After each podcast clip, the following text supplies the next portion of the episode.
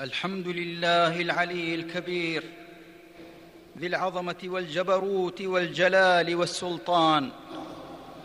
تعاظم في ذاته عن الإحاطة والتكييف وجل في صفاته عن النقائص والتشبيه.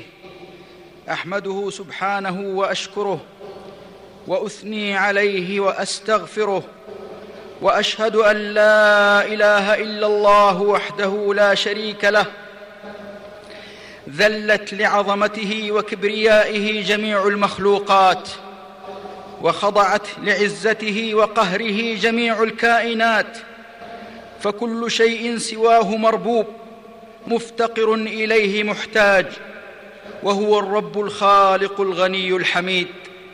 وأشهد أن محمدا عبده ورسوله صلى الله وسلم وبارك عليه. وعلى آله وأصحابه وأزواجه وأتباعه إلى يوم الدين. أما بعد فأوصيكم أيها الناس ونفسي بتقوى الله عز وجل. فاتقوه حق التقوى. اتقوا من بيده ملكوت كل شيء وهو يجير ولا يجار عليه. واتقوا من رفع السماوات بغير عمد ترونها. وألقى في الأرض رواسي أن تميد بكم وبث فيها من كل دابة. وراقبوه واعملوا بطاعته ورضاه. تفوزوا وتفلحوا. أيها المسلمون إن الله سبحانه جل في علاه هو العلي الأعلى. له علو الذات وعلو الصفات وعلو القهر والغلبة.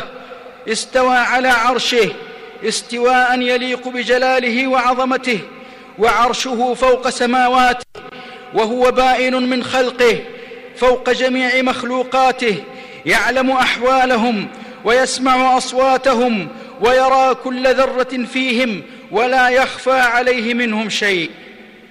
وهو جل ثناؤه الذي يمسك السماء أن تقع على الأرض إلا بإذنه. ويمسك السماوات والأرض أن تزولا وهو الباقي وكل شيء هالك إلا وجهه. سبحان من تفرد بالألوهية والسلطان والتدبير والتقدير بلا معقب ولا شريك ولا نصير.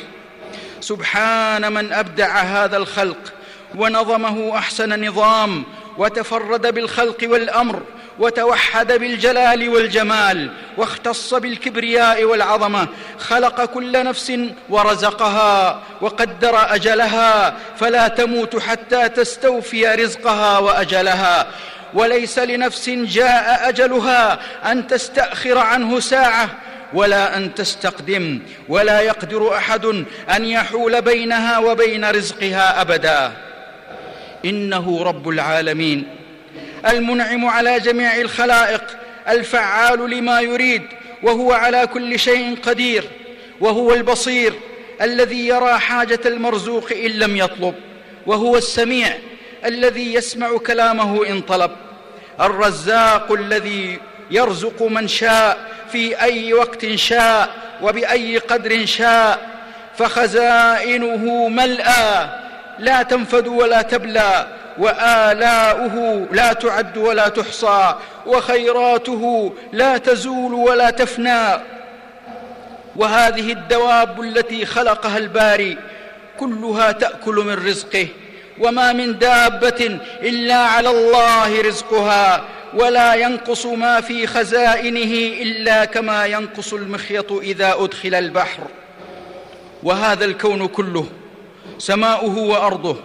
ظاهره وباطنه ملائكته ودوابه إنسه وجنه حيوانه وطيره كله مخلوق والمخلوق مملوك محتاج محتاج في وجوده إلى ربه ومحتاج في بقائه إلى ربه.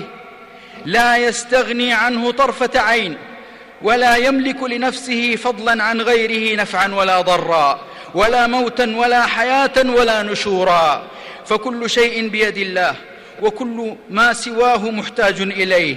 يا أيها الناس أنتم الفقراء إلى الله والله هو الغني الحميد. قل لا أملك لنفسي نفعا ولا ضرا إلا ما شاء الله. ولو كنت أعلم الغيب لاستكثرت من الخير وما مسني السوء. إن أنا إلا نذير وبشير لقوم يؤمنون. والله الباري جل جلاله خلق المخلوقات التي لا يحصيها إلا هو وفضل بعضها على بعض من أماكن وأزمان وأشخاص وأحوال وسلط بعض مخلوقاته على بعض وقهرها بها وإليه المرجع والمآب. سبحان من تفرد بتدبير الأمر. يدبر الأمر في العالم العلوي والسفلي من الإماتة والإحياء وإنزال الأرزاق ومداولة الأيام بين الناس وكشف الضر عن المضرورين وإجابة سؤال السائلين. فأنواع التدابير نازلة منه وصاعدة إليه وجميع الخلق مذعنون لعزته خاضعون لسلطانه وجبروته وعظمته فهم تحت مشيئته وحكمه وقهره. وهو لطيف بعباده. يدرك الضمائر والسرائر ويوصل عباده إلى ما فيه الخير لهم من حيث لا يعلمون ولا يحتسبون وهو الذي لا يلجأ المضطر إلا إليه ولا ينجي في الشدائد إلا تحقيق توحيده وصدق اللجأ إليه.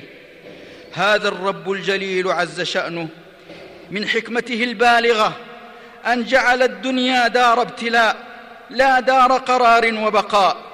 فمن رحمته أن نغص على خلقه الدنيا وكدرها لئلا يسكنوا إليها ولا يطمئنوا إليها ويرغبوا في النعيم المقيم في دار كرامته وجواره في دار كرامته وجواره. فساقهم إلى ذلك بسياط الابتلاء والامتحان فمنعهم ليعطيهم وابتلاهم ليعافيهم وأماتهم ليحييهم. وما يجريه على خلقه من أقدار مؤلمة وابتلاءات إنما هي بقدره ولحكمة تامة وهو سبحانه لا يخلق شرا محضا من كل وجه بل كل ما خلقه ففي خلقه مصلحة وحكمة. فالوباء الذي أصاب العباد وعم الحاضر والباد وإن كان محنة وابتلاء وزاجرا يزجر الله به الناس فهو كذلك منحة.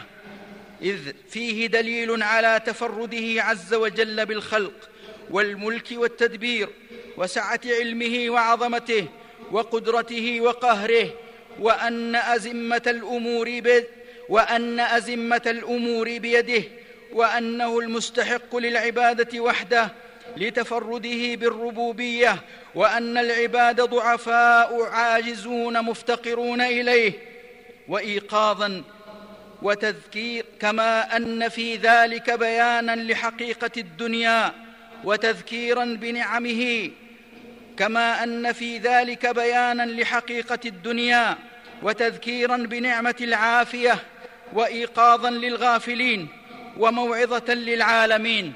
قال ابن حجر رحمه الله من فوائد الوباء والطواعين تقصير الأمل وتحسين العمل واليقظة من الغفلة والتزود للرحلة. أيها المسلمون إن الله يستعتب عباده ويخوفهم بالآيات ليتعظوا ويعودوا إليه كما قال جل ثناؤه وما نرسل بالآيات إلا تخويفا فهلا شعرنا بافتقارنا إليه؟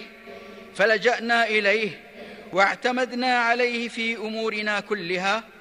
قال شيخ الإسلام ابن تيمية رحمه الله من تمام نعمة الله على عباده المؤمنين أن ينزل بهم من الشدة والضر ما يلجئهم إلى توحيده فيدعونه مخلصين له الدين ويرجونه لا يرجون أحدا سواه فتتعلق قلوبهم به لا بغيره فيحصل لهم من التوكل عليه والإنابة إليه وحلاوة الإيمان وذوق طعمه والبراءة من الشرك ما هو أعظم نعمة عليهم من زوال المرض أو الخوف أو الجدب أو الضر.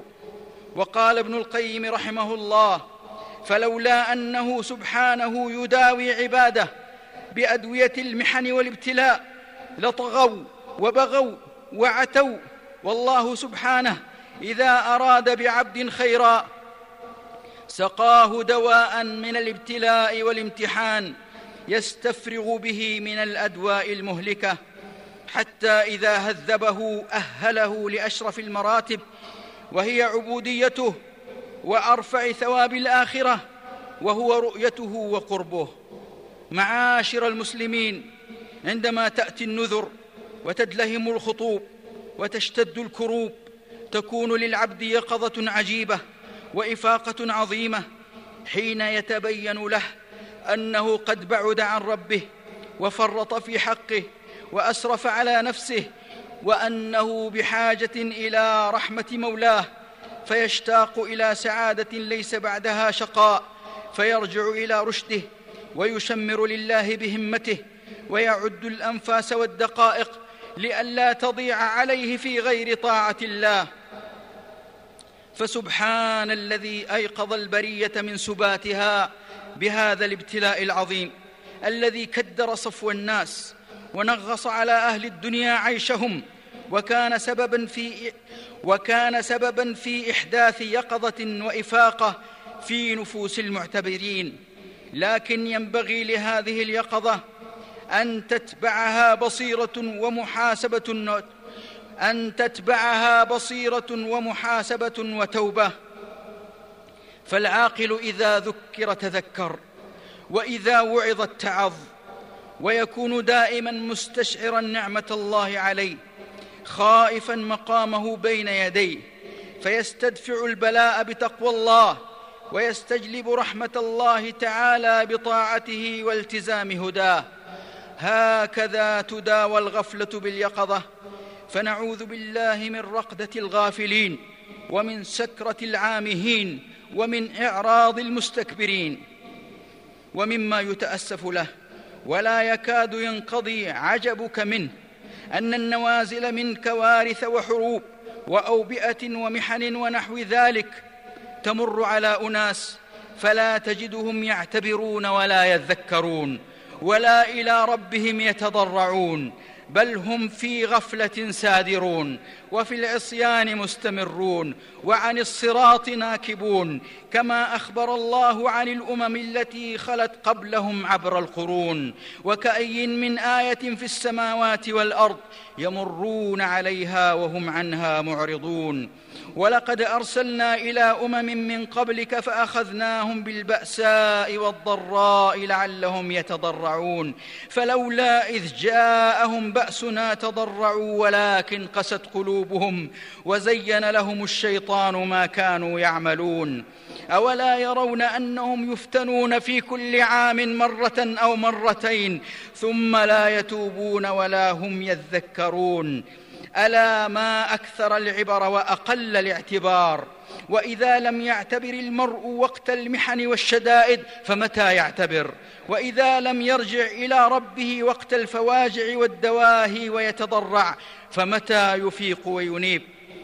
يخبرني البواب أنك نائم وأنت إذا استيقظت أيضا فنائم.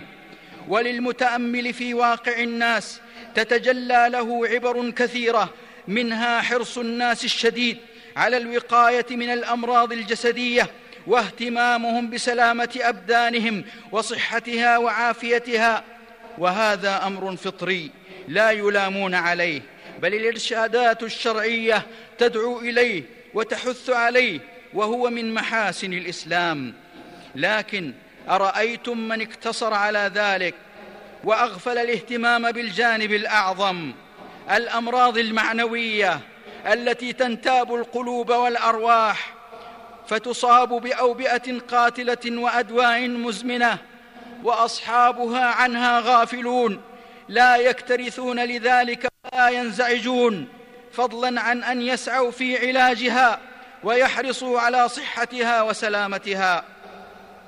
إخوة الإسلام في زمن الوباء والشدائد يستشعر المؤمن عظمة الخالق العظيم ويتوكل على العزيز الرحيم. فالقلوب كلها بيد علام الغيوب الذي له الكمال المطلق المنزه عن النقائص والعيوب. فمن أقبل عليه وحده أصاب ومن أقبل على غيره فقد خاب. وفي مثل هذه الأحوال الطارئة من المهم أن يأخذ المرء احتياطاته الممكنة ويعمل بأسباب الوقاية اللازمة والتدابير الصحية المتعينة حفظا لنفسه ولغيره من الإصابة بالوباء وتحرزا من انتشار هذا الداء. لكن يكمل ذلك ويتوجه بأن لا يغفل عن مقتضى الحال وواجب الوقت التبصرة. وكما قيل إذا المرء كانت له فكرة ففي كل شيء له عبرة فالفرصة مواتية للتفكر والتدبر والحذر والانتباه والنظر فيما ادخره العبد لنفسه من الأعمال الصالحة ليوم معاده وعرضه على ربه. وهي فرصة كذلك للمراجعة فيما يؤديه من مهمات وما لديه من اهتمامات وما يقيمه من روابط وعلاقات وإعادة النظر في ترتيب الأولويات والاستفادة من الأوقات. أقول هذا القول وأستغفر الله لي ولكم. فاستغفروه وتوبوا إليه. إن ربي غفور رحيم. الحمد لله الحي القيوم. لا تأخذه سنة ولا نوم. من توكل عليه كفاه. ومن لاذ بجنابه حماه ومن استنصر به نصره ونجاه. وأشهد أن لا إله إلا الله وحده لا شريك له. وأشهد أن نبينا محمدا عبده ورسوله صلى الله وسلم وبارك عليه. وعلى آله وأصحابه إلى يوم الدين. أما بعد فيا أيها المؤمنون إنما ألم بالناس اليوم من هذه الجائحة العارمة لهو مدعاة للتراحم والعطف والإحسان والمؤمن يحمل الخير والرحمة للناس ويألم لحالهم ويشفق عليهم فما مس غيره من الداء قد يمسه وما أصاب المبتلى قد يصيب المعافى. فهو يتمنى لهم العافية والنجاة والفوز في الدنيا والآخرة داعيا ربه أن يكشف ما أصابهم وأن يعافي مبتلاهم ويصرف عنه وعنهم البلاء. يا عباد الله إن المسلم في هذه الأحوال يسعى أن يكون نفاعا للناس لا يألو جهدا في جلب الخير لهم والمسارعة في نفعهم بأي وجه من وجوه النفع المباح وهذا يدخل في عموم قوله صلى الله عليه وسلم من استطاع منكم أن ينفع أخاه فليفعل رواه مسلم. وخير الناس أنفعهم للناس وكل معروف يبذل للناس فهو صدقة وتفريج الكربات والتكافل الاجتماعي وإدخال السرور على الناس من أفضل العبادات وأعظم القربات. فلنتعاون على ذلك حرصا على فعل الخير ورجاء أن يكون لنا نصيب من الأجر والحسنات. يا عباد الله وكما أن المسلم يمتنع عن إذاعة الشائعات وإعلان الأراجيف بين أفراد المجتمع فإنه يسعى في نشر الخير في الناس وبث روح التفاؤل الذي يورث طمأنينة النفس وراحة القلب والارتياح والنشاط ويحرص على رفع راية التبشير بالخير وانتظار الفرج والتهدئة من روع الآخرين والتخفيف من همومهم وتسلية نفوسهم. في مثل هذه الأحوال التي يشوبها أجواء من القلق التي يشوبها أجواء من القلق والاضطراب فالدعم النفسي ورفع المعنويات وشحذ الهمم مهم جدا في المساعدة على العلاج من الأمراض البدنية والإصابات الجسدية. وليكن شعارنا بشروا ولا تنفروا ويسروا ولا تعسروا. يا عباد الله المستقبل غيب لا اطلاع لنا عليه. فما الذي يدعونا أن نعيش في حال من الخوف والذعر والهلع والتشاؤم ونخشى ما سيكون في مستقبل أيامنا. ونخشى ما سيكون في مستقبل أيامنا. ويتكدر خاطرنا ويستولي علينا الهم والتفكير. خائفين وجلين ماذا ينتظرنا غدا؟ وما الذي سيجري من وقائع ومخاطر وأحداث؟ بينما حال المؤمن الثبات والتجلد واليقين وعدم التزعزع مهما كان فهو يعيش في سكون واستقرار واطمئنان ويعلم أن مشيئة الله نافذة وقدرته كاملة وأن ما قدره عليه كان وأن ما أصابه لم يكن ليخطئه وما أخطأه لم يكن ليصيبه وان لا ملجأ من الله إلا إليه فما عليه إلا أن يصبر ويتوكل على الحي القيوم مع أخذه بالأسباب المشروعة. وفي المقابل يحذر كل الحذر من الجزع والاعتراض على أقدار الله والتسخط عليها. فعن عبد الله بن مسعود رضي الله عنه قال لأن أعض على جمرة وأقبض عليها حتى تبرد في يدي. أحب إلي من أن أقول لشيء قضاه الله ليته لم يكن.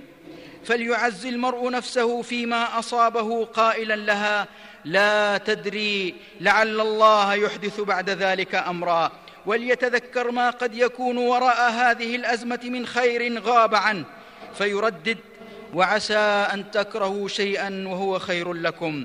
وليحرص وهو ملازم بيته على ما ينفعه بالاستفادة من البرامج النافعة التي تشغل وقته وتزيده علما وتنمي ثقافته وتكسبه الخبرات وتطرد الفراغ القاتل عنده وتشغل فكره عن أن يجول فيما لا ينفع كالفكر فيما لم يكن لو كان كيف يكون. يا عباد الله إن الذي أنزل الداء بقدرته وأذن بالعدوى أن تنتقل بمشيئته هو الذي يرفع البلاء ويكشف الضر برحمته. فافزعوا إلى الحصن الحصين والدرع الواقي ذكر الله ودعائه واستغفاره والثقة به وحده والاعتماد عليه والتضرع إليه والتمسكن وإبداء العجز والفاقة والذل والضعف. وأحسنوا الظن بربكم وعلقوا به قلوبكم وأمنياتكم وآمالكم وفوضوا إليه أمركم وارضوا بما قسمه لكم والتجئوا إليه واطلبوا الحماية والوقاية منه وحافظوا على الأذكار والأدعية المأثورة فليس أنفع للوباء من الاستغفار والدعاء والصبر وصدق الالتجاء لفاطر الأرض والسماء. أمة الإسلام إنما نشهده اليوم ونعيشه من محنة ليست أولى الشدائد والابتلاءات التي يمر بها الناس بل سبقتها محن كثيرة قاسية. شهد بها التاريخ وهذه الأزمة ستنقضي وتزول بإذن الله. كما ذهب ما كان قبلها لكن إذا انجلت وانكشفت فعلى أي حال سنكون؟ إن كلمات الوعظ القيمة ووصايا النصح البينة التي أسداها بعض علماء الأمة السابقين لأهل زمانهم ما زالت يفوح شذاها وينبعث صداها كأنها تخاطب وجداننا وتهز مشاعرنا. قائلة لنا يا عباد الله التوبة التوبة قبل أن يصل إلينا من الموت النوبة.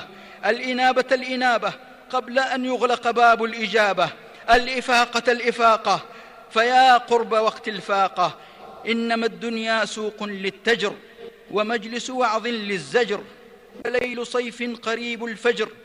المكنة مزنة صيف الفرصة زورة طيف الصحة رقدة ضيف الاغترار نقدة زيف البدار البدار فالوقت سيف.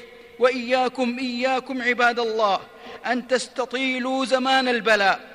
وتضجروا من كثرة الدعاء فإنكم مبتلون بالبلاء متعبدون بالصبر والدعاء ولا تيأسوا من روح الله وإن طال البلاء فلولا البلايا لوردنا القيامة مفاليس.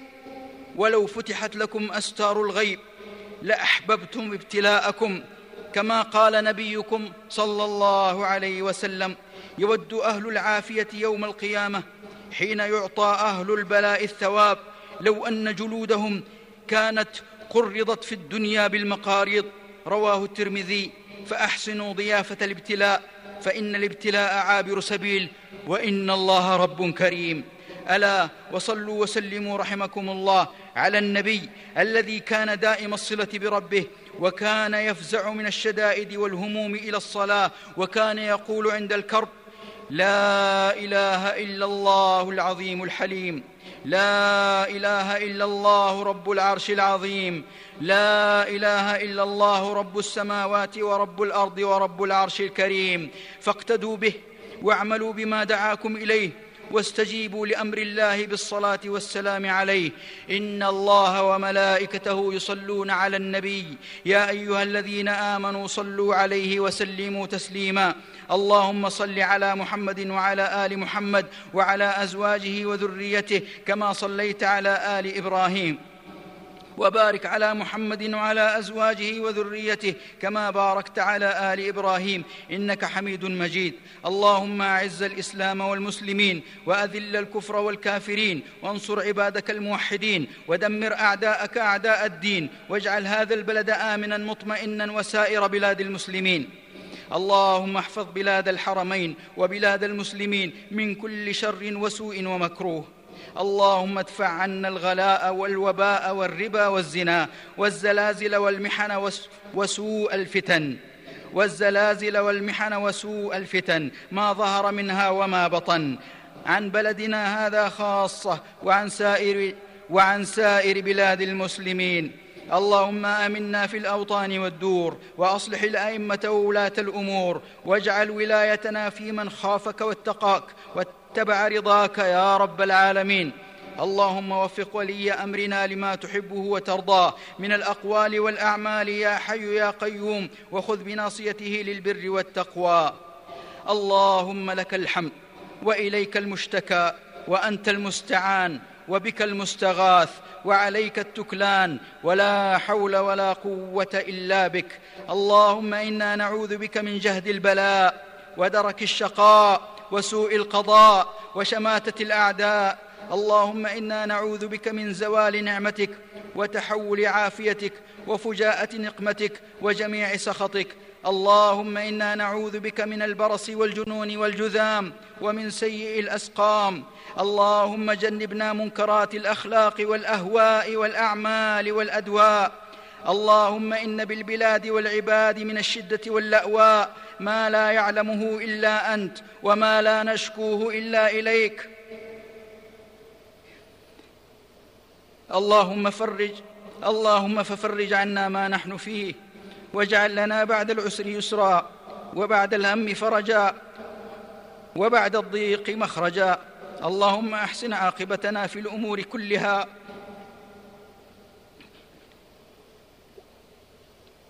وأجرنا من خزي الدنيا وعذاب الآخرة. اللهم أنزل علينا السكينة والثبات. وردنا إليك ردا جميلا. ربنا آمنا. فاغفر لنا وارحمنا. وأنت خير الراحمين. لا إله إلا أنت سبحانك إنا كنا من الظالمين. ربنا ظلمنا أنفسنا وإن لم تغفر لنا وترحمنا لنكونن من الخاسرين. اللهم إنا نسألك العفو والعافية والمعافاة الدائمة في الدين والدنيا والآخرة. اللهم احرسنا بعينك التي لا تنام واكنفنا بكنفك الذي لا يرام. وارحمنا بقدرتك علينا ولا تهلكنا وأنت ثقتنا ورجاؤنا.